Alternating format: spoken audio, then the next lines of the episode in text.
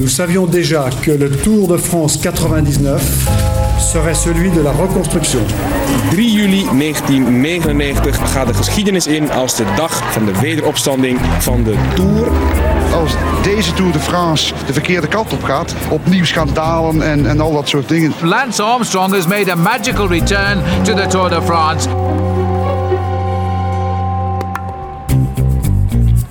Radio Tour de France-verslaggever Steven Dalebout onderzoekt hoe de tijd onze kijk op de wielergeschiedenis verandert. In een nieuwe aflevering van Toch nog een Tour.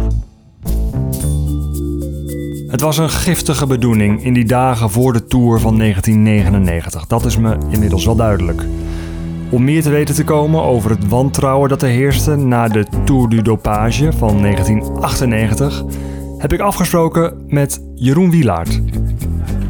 Ja, nou, je had wel enige wantrouwen steeds bij je. En je vroeg, het ook, je vroeg er ook naar. Je vroeg er permanent naar. We zitten op het terras van Orlof aan de Kade in Utrecht.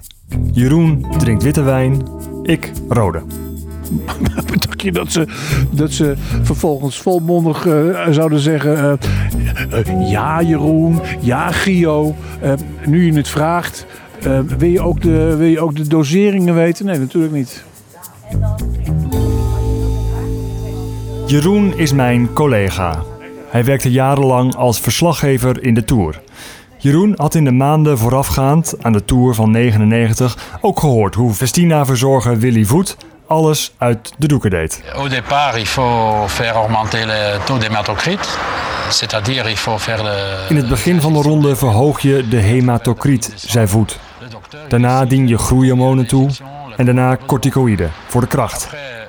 Dat is ongeveer de behandeling die een toerrenner krijgt. Alors, euh, ça c'est le, en, en gros, c'est la préparation d'un coureur qui fait la Tour de France. Maar dat was in 1998. Jeroen Wielaert was afgereisd naar de Tour van 99.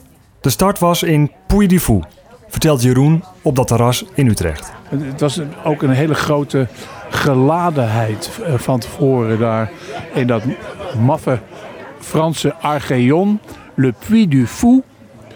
En ik weet nog dat er ook nog heel veel algemene verslaggevers uh, bij waren. Er worden wel medische keuringen uitgevoerd, zoals vanavond bij de coureurs van de ploeg van Rabobank. Uh, krantenmensen, cameraploegen uit de hele wereld, die het dan beter wisten dan die uh, um, stomme sportjournalisten.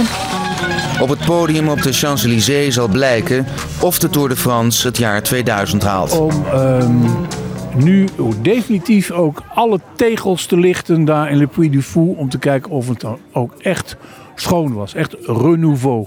Nou, dat slag collega's was na een dag of vier alweer vertrokken.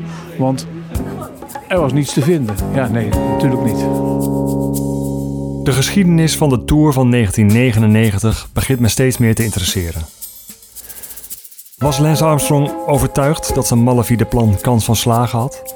Voelde hij zich destijds bezwaard? Zou hij dingen nu anders doen? Misschien wil Armstrong wel zelf antwoord geven op deze vragen. Eenmaal thuis van het terras met Jeroen duik ik een oud telefoonnummer van Armstrong op en ik besluit meteen te bellen.